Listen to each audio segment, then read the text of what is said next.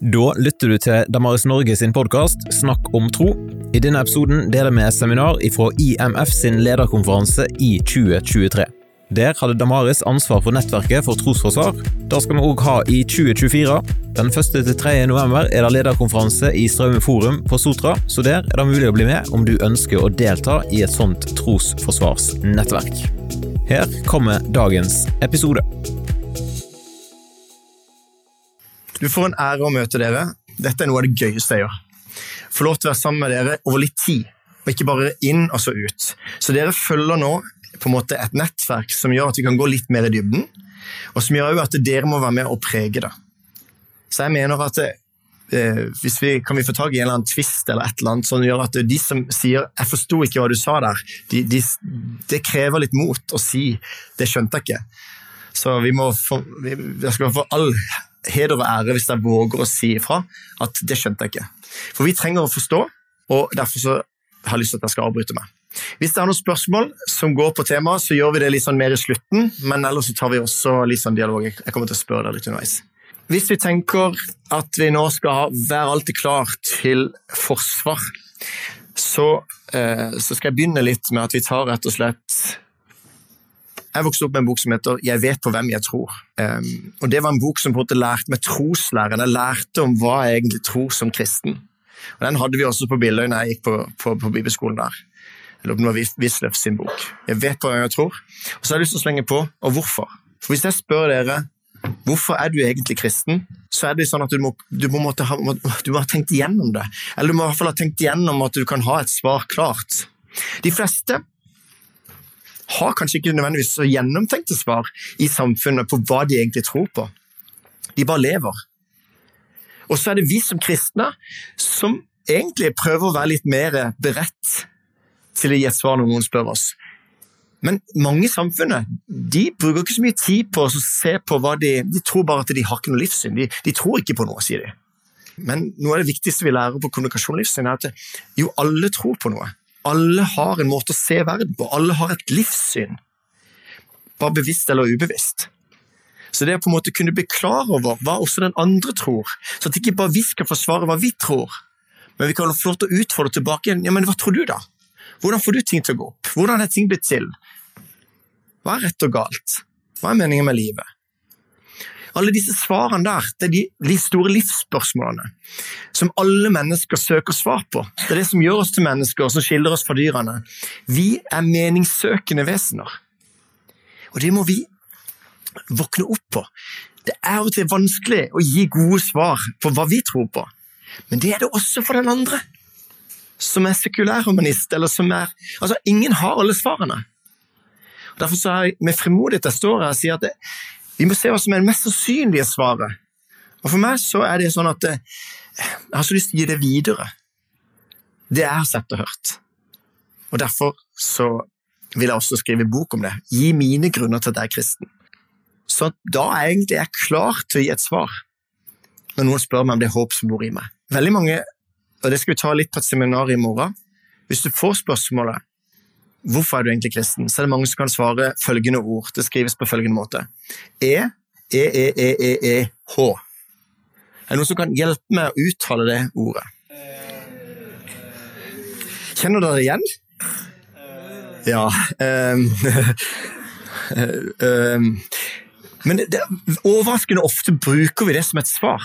Så hvis du får spørsmålet 'Hvorfor er du egentlig kristen?' så lett det er å si det ordet. Uh, men hvis dere spør meg Rune, hvorfor er du egentlig kristen? Så har jeg et svar som tar 6,5 sekunder, eller et svar som tar 11,5 sekunder. Og de skal jeg dele litt mer i, i morgen. Og da vil jeg at vi skal jobbe her i morgen også på å sette sammen vår egen tro. Vi skal jobbe med vårt vitnesbyrd, våre grunner til at vi er kristne. Da skal vi litt mer sånn arbeidsøkt. I dag blir det litt mer forelesning fra meg og Bjørn vekselvis, og så har vi litt input og sånn. Men, men, i morgen så jobber vi litt mer med hvorfor tror jeg egentlig? Og hva er begrunnelsen for min tro? Så det er ikke så interessant hvorfor jeg er kristen, men det er interessant når du relaterer til deg sjøl. Hva er grunnen til at du er kristen? Så du er beredt til å gi et svar når noen spør deg om det håp som bor i deg. Det er litt av bakgrunnen. Så hvis vi da begynner med trosforsvar oh, ja, du, du, tok meg på ordet. Veldig bra. Da har vi noe kjærlighet. Og dere som våger å stille spørsmål, hva mente du egentlig der? Eller det skjønte jeg ikke. Det er ikke lov til å bare si det uansett. Det er veldig kjedelig. Men oppriktig har et ærlig spørsmål, så har jeg ønsker jeg et ærlig svar. Det er veldig fint.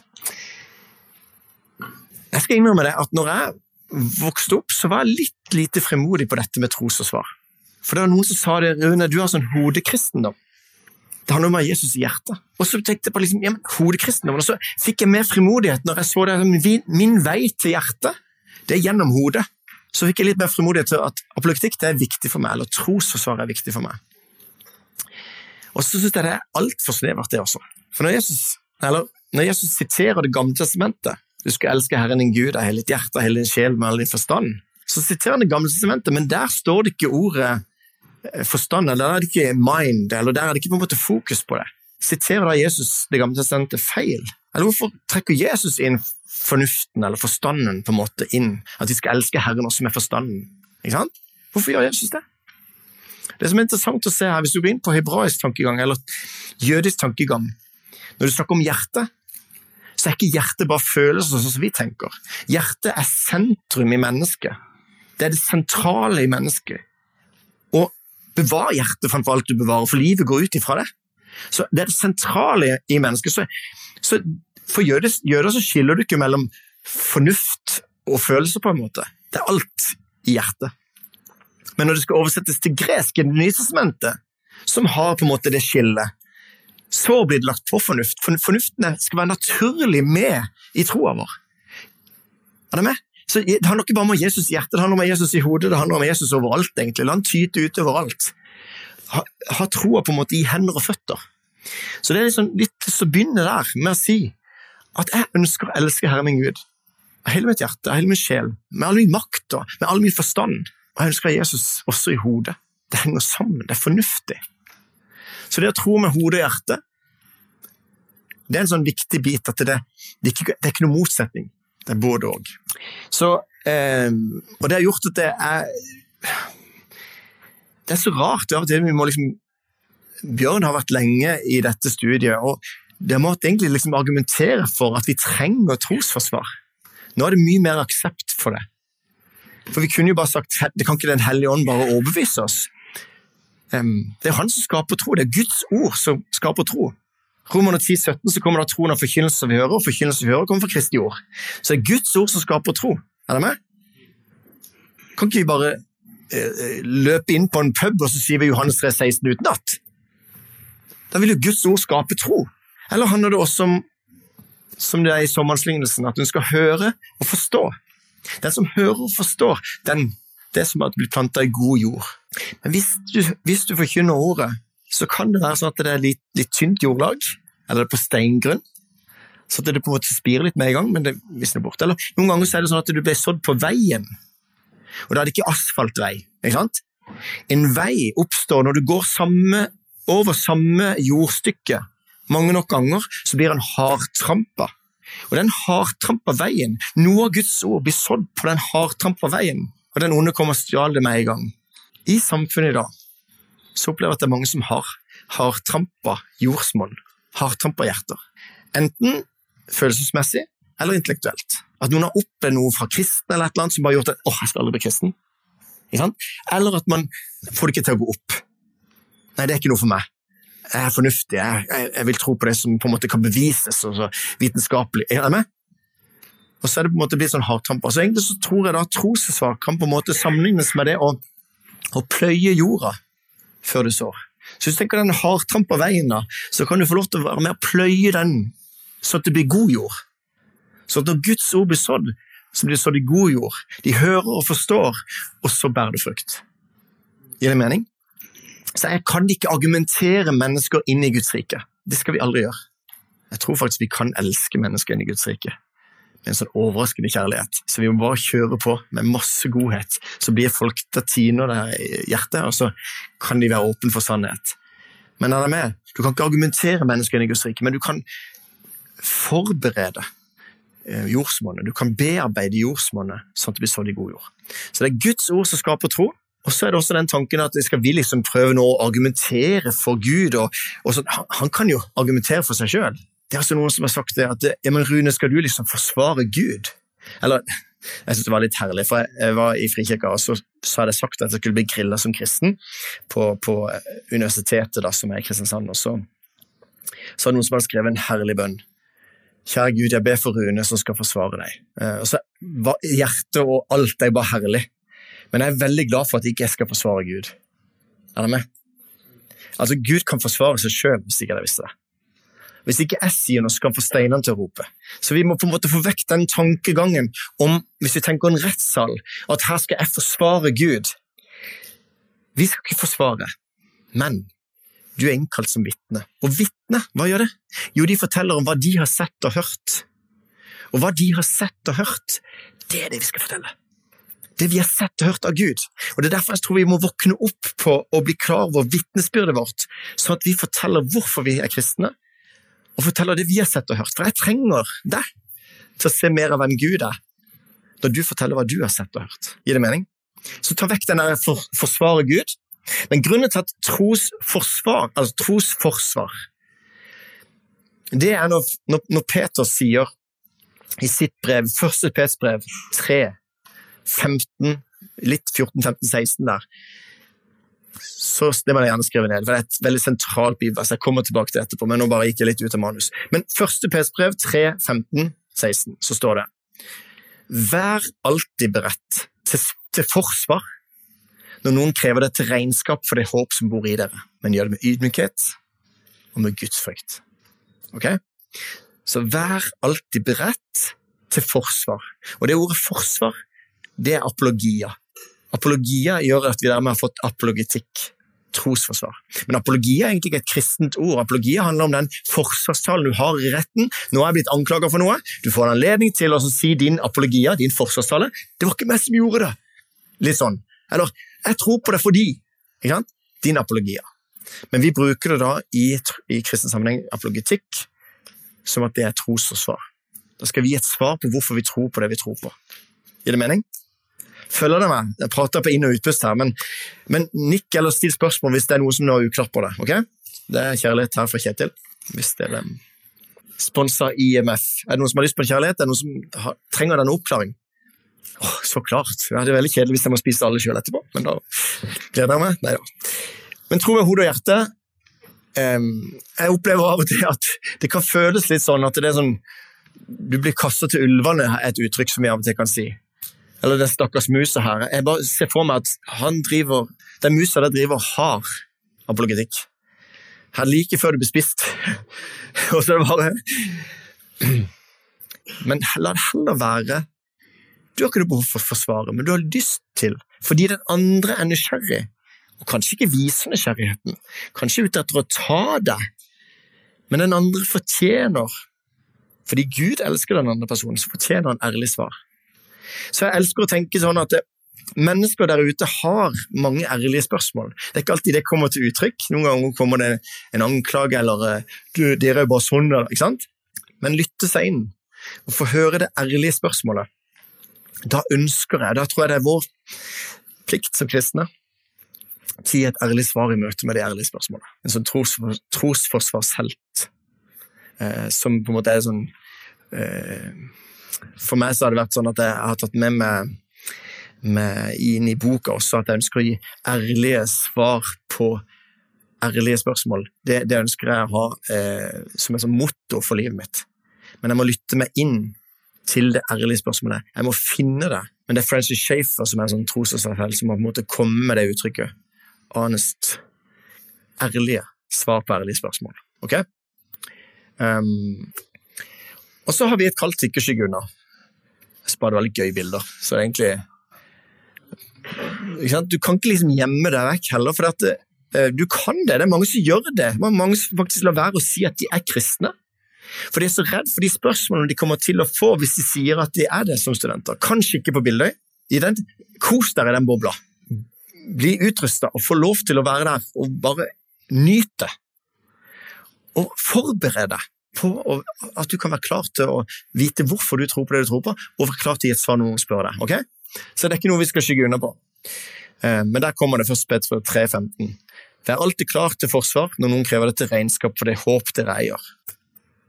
Men vi skal ikke harselere. Vi skal ikke på en måte være arrogante på motsatt vei. Jeg synes Av og til så blir man litt sånn, kommer man litt med lua i handa som kristen, og så bare 'Unnskyld at jeg er kristen'. Ikke sant? For det, av og til så vi blir litt latterliggjort. I media eller i samfunnet ellers kan man bli latterliggjort som kristen. Eh, men jeg kjenner på det at eh, vi skal heller ikke gjøre motsatt av at man latterliggjør de som har en annen tro. Man skal ha respekt og toleranse Uansett på en måte hvordan du ser hvor godt forankra vår tro er. Derfor synes jeg det er stilende det står alltid klar til å gi et svar. Noen spør deg om eh, om det håp som bor i deg. Så tenker jeg at jeg, Men du skal gjøre det med ydmykhet og med respekt. Og det gjør det i kjærlighet, til å på en måte lytte seg inn til den andre. Jeg nevnte Francis Schaefer. Han har sagt at hvis han har én time med et annet menneske, så bruker han 55 minutter til å lytte seg inn til den andre, og fem minutter til å si noe inn i den situasjonen. For ellers kan jeg prate om det som jeg syns er viktig, men hva, hva syns du er viktig? Ikke sant? Og så kan man ikke bare si det og lytte, men å stille spørsmål, så at den andre kan få lov til å se at oi, dette stemmer jo ikke overens innad i mitt eget livssyn engang. Og så kan man avdekke at eh, ting ikke henger på grep. Men Derfor så tror jeg det er viktig med respekt, ydmykhet og toleranse. Men toleranse er blitt helt forskrudd i samfunnet i dag. For toleranse er blitt sånn at uh, vi må si at alt er like sant. For hvis jeg sier at jeg har funnet sannheten, så indirekte så sier jeg at den andre tar feil. Da er du intolerant, Rune. Og det er vi nødt til å bare si. Det er bare tull. Utgangspunktet for toleranse er at man er uenig. Hvis ikke det er uenighet, så er det ingenting å tolerere, ingenting å tåle. Så utgangspunktet for toleranse er at vi er uenige, og er dypt uenige. Men jeg vil faktisk kjempe inntil døden for at du skal kunne mene det du mener, for at vi trenger respekt for hverandres syn, og ikke overkjøre verken den ene eller andre veien. Ikke som kristne eller på den andre sida. Så Derfor så tror jeg det er viktig for meg å vise en respekt når jeg er i samtale med humanetikere eller muslimer. Så har en respekt for deres syn. Jeg sto eh, I journaliststudiet så hadde vi undervisning, jeg får lov til å undervise litt der også. Eh, da har de andre året så har de livssynsjournalistikk. Det er ganske overraskende, de som er framtidas journalister hvor lite kunnskap det egentlig er om religioner og livssyn. Men da fikk de lov til å grille, meg som kristen, en humanitiker og en muslim. Og Da var det sånn spørsmål. Da var det sånn eh, Ja, Rune Tobiassen, Dagbladet. ikke sant? Sånn, ikke sant? Du, du, du blir kjørt av dem, ikke sant? Men når jeg da hilser på Akmal Ali, så kjenner vi hverandre fra før, så da hilser jeg på han. Og så kan jeg si det er ikke jeg enig i, men vi har respekt for hverandre. Og så, takk, vi, vi snakkes igjen, hyggelig å se deg. Og så har vi egentlig moderert, eh, modellert det å ha toleranse og respekt, og likevel kunne utfordre. Ikke bare si at alt er greit, alt er like sant, men utfordre for sannhet med frimodighet. Der tror jeg vi er altfor for vage. Og Derfor må du vite hva du tror på, og hvorfor du tror på det, så at du står fjellstøtt i forhold til det du tror på.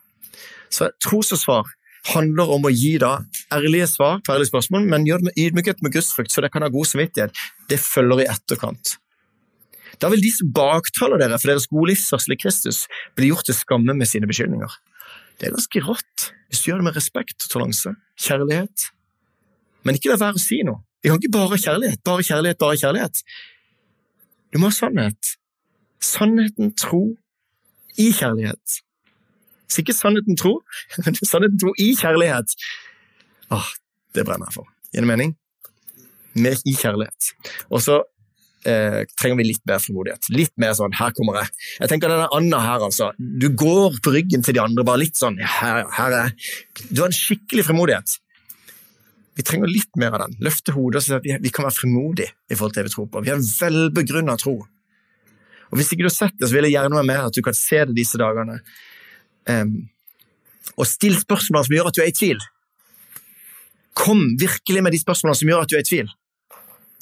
Og Det betyr ikke at vi skal ha noe fasitsvar herifra, men det betyr at det kan være at vi har hørt spørsmålet før. Og Det kan være at du kan få hjelp til å gå over et hinder, eller under et hinder, eller rive ned et hinder, for det er rett og slett feil. Og Da trenger vi som kristne å hjelpe hverandre med det. Og Da har vi fått en anledning til å gå litt dypere i noen spørsmål, og vil gjerne gi svar på det. Um, så la det være rom for de spørsmålene dine. Noen tenker at vi skal bare smile som kristne, og vise bare godhet, godhet, godhet. godhet. Aldri noe med at Jesus er den eneste vei og sannheten. Men jeg tror vi trenger sannheten, tro i kjærlighet. Hvis ikke blir det sånn som man hadde hørt om han som hadde vært på arbeidsplassen i 25 år. Og så endelig, etter 25 år, så er det en kollega som kommer bort og sier du, det er noe spesielt med deg. Er du vegetarianer? Ikke sant? Liksom, endelig. Og så har du smilt og smilt i 25 år og håpet skal de se at det er noe spesielt med meg. Er med? Er du vegetarianer? Men det er, det er litt flåsete, men, men, jeg tror av og til at vi som kristne kan tenke det at ja, vi skal smile. Og det skal vi. Men sannheten, tro i kjærlighet. Vi må også dele Guds ord sannhet. Vi må også fortelle at vi er kristne, at vi tror. Ja. Syns jeg det er herlig, for dette føler jeg liksom meg. Liten, liten apekatt der. Eh, og så har du den der Du ser bare aner konturene av noe større bak som gjør at jeg sitter litt med frimodighet. Men det er jo fordi at det er, det er selveste altså Gud altså Det er han som tar det. Så sitter jeg der litt sånn litt confident og bare tenker ja, vi har kontroll. Og så er det egentlig bare den der Ja, jeg vet ikke. Av og til syns jeg det er litt gøy med noen bilder, da. Og så tror jeg det er viktig å bare si det også, at det, istedenfor å begynne å snakke om tro med naboen din, så tenker jeg et fint motto er snakk med Gud om din nabo før du snakker med din nabo om Gud. En fin rekkefølge. Hvis du har lyst til å dele troa med din nabo, så, så begynn å snakke med Gud om det først. Så viktigheten av bønn også inn i trosforsvar, sånn at ikke det er noe som vi skal fikse, eller nå har vi et svar, da skal jeg gi det videre. For i det vi på en måte får sånne svar som bare er sånn programmerte svar, så mister vi hjertet. Så mister vi den andre personen på andre sida. Vi må tune oss inn, vi må elske den andre personen før vi begynner å formidle evangeliet. Så jeg tror det er litt viktig å lytte seg inn. Og ellers kan vi også gå i den fella. Hvis noen kommer til meg og sier Rune, hvordan kan du tro på en kjærlig Gud når det er så mye drit i denne verden? Og så har jeg just vært på foredrag med Bjørn, så derfor har jeg tre punkt på det, og så kjører jeg i vei. Men det er jo ikke det de trenger, de trenger en god og varm klem, for de har nettopp mista noen i nær familie. ikke sant? Så vi må lytte oss inn. Hva er det som gjør at du stiller det spørsmålet? Sånn at vi kan være med og, um, og, Noen ganger trenger man bare å gi en klem eller å tåle spørsmålet til den andre. Til slutt vil jeg avslutte med før, Bjørn, kan ikke du også komme med noen kommentarer uh, litt sånn etter det du har hørt nå, og så gir vi rom for spørsmål. Men litt sånn uh, respons på, på, det. Så kan vi Det er litt fint å bare eh, Hvis jeg har missa noe eller et eller annet her. Men vi kan ikke si alt. Men jeg har lyst til å begynne litt på at vi begynner på livet. ok?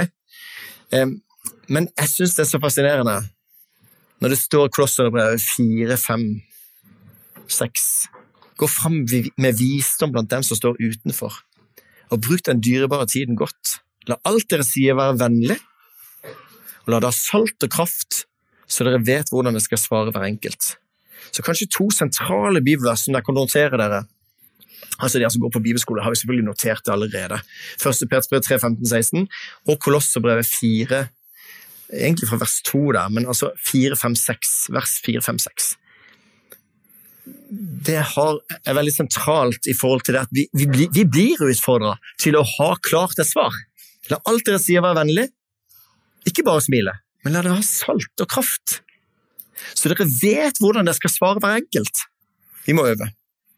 Er det noen noen som har øvd i speilet med å kysse? da ser man sånn ut. Um, nei, men altså, egentlig så må man Og den assosiasjonen jeg fikk her, det er liksom litt kunstig kanskje å, å, å øve, men, men, jeg tror vi må øve. Du må liksom forberede deg for å være beredt, liksom. Du må Ja, er det med? Så Derfor så handler det om å, å si det med egne ord, og ikke bare si 'Å, nå skulle du hørt det sånn som han sa det', eller men det handler om at du forteller hvorfor du er kristen. Det handler om at du forteller og gir et svar når noen spør deg. Gir det mening? Så Derfor syns jeg det er en fin setning nå i to dager å kunne øve litt sammen. Bjørn, har du noen refleksjoner? Hva er tiden som er igjen nå her? Ti minutter? Ja, kan, jeg, kan jeg dele det biverset der også? For det står Vær ikke bekymret for noe, men legg alt dere har på hjertet framfor Gud, og be og kall på ham med takk. Og Guds fred, som overgår all forstand, igjen forstand, skal bevare deres hjerter og tanker i Kristus Jesus. Det synes jeg er et fint perspektiv inn i det. Jeg trodde det var sist i stad, men da fikk jeg vist det også.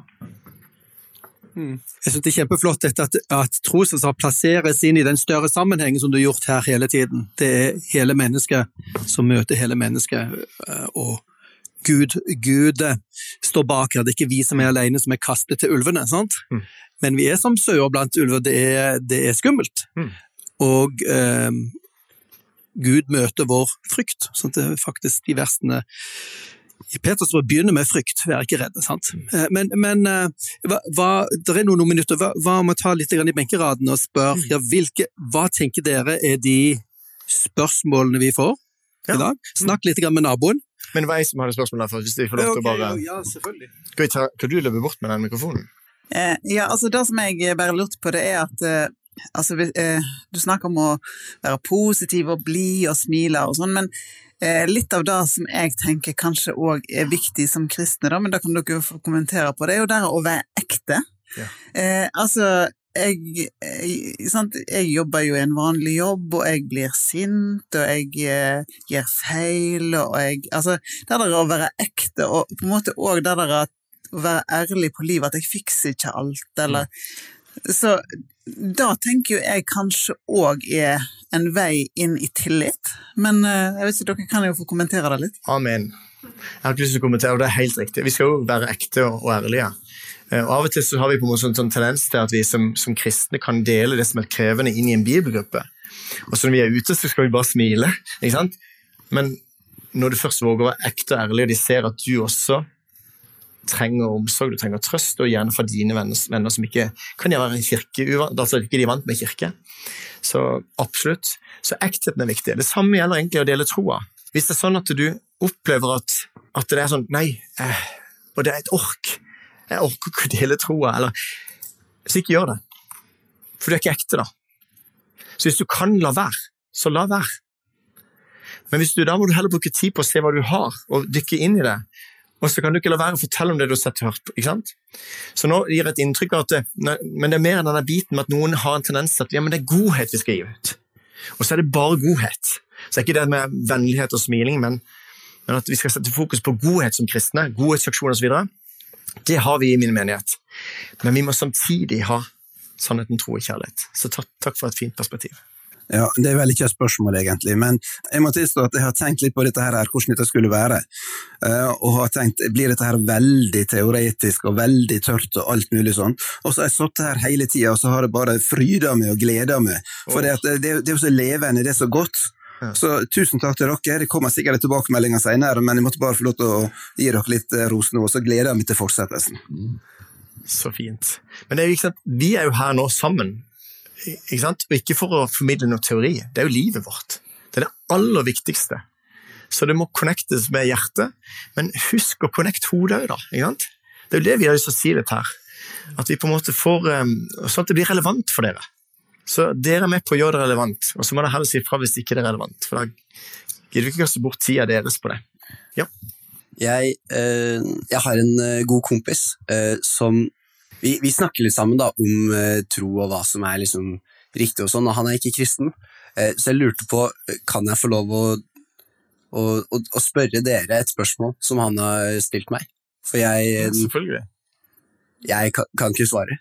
Han, han mener da at, at menneskekroppen eh, ikke kan være eh, skapt, fordi han mener det er så mange eh, ufullkommenheter i menneskekroppen, at det er så mange eh, slurvete ting med menneskekroppen, at det er eh, liksom det, det gir mening at det er en skapning som har eh, utviklet seg fra å være eh, en skapning som har gått på fire bein til å skulle tvinge seg til å gå på to bein og sånn, men at det ikke gir mening at eh, mennesket er et, eh, et skapt vesen eh, til det du gjør nå.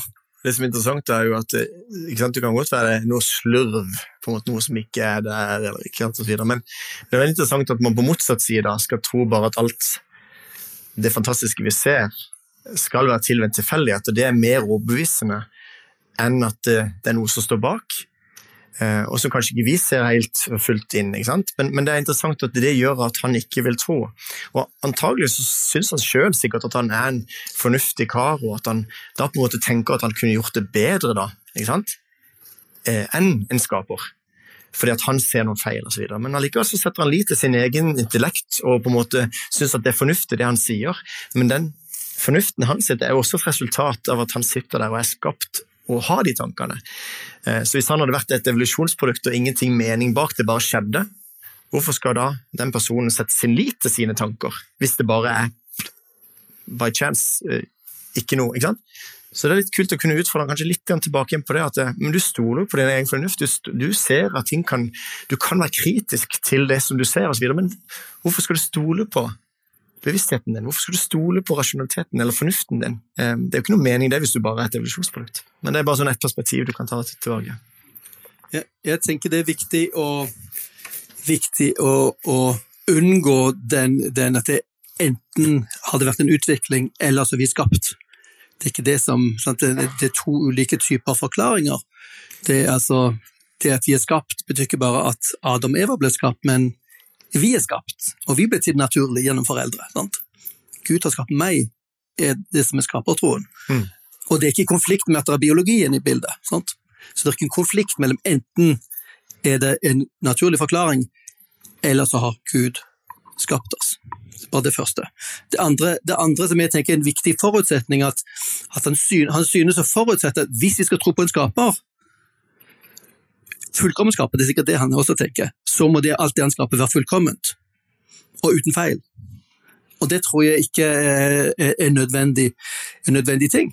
Både, både, kan Gud skape ting som ikke er helt fullendt. Når han skapte verden fra starten, så var det godt, det var bra, men det skulle utvikles videre. Mennesker skulle videreføre dette her og, eh, og innta eh, hver jorden, ikke sant. Det skulle utvikles. Eh, og at vi lever nå oss etter syndefallet. Så det er en skade inn i, inn i tilværelsen, altså også det onde. Sånt. Og det tror vi på. Men, men det at det er noen, noen mangler eller noen feil, betyr jo ikke at det ikke er noen skaper men det er en skaper som da tydeligvis tillater at det er både mangler og feil. Som er da det, si, det, litt av det ondes problem. sant? Um, det kommer vi litt tilbake til også ja, i, i ja. etter lunsjen i dag. Så bruker vi litt mer tid på akkurat det spørsmålet der. Så det, men uh, fine perspektiv. Og det som jeg tror også er litt viktig, som Bjørn understreker her, at det, ikke bruk all, Vi bruker mye energien vår i kristen sammenheng til å liksom, Kan det være evolusjon, eller må det være seks dager eller seks tider, eller sant, ulike former for det? Så det det måte, handler mer om å åpne opp litt og si at uansett hva man tror, så må det være noe som står bak.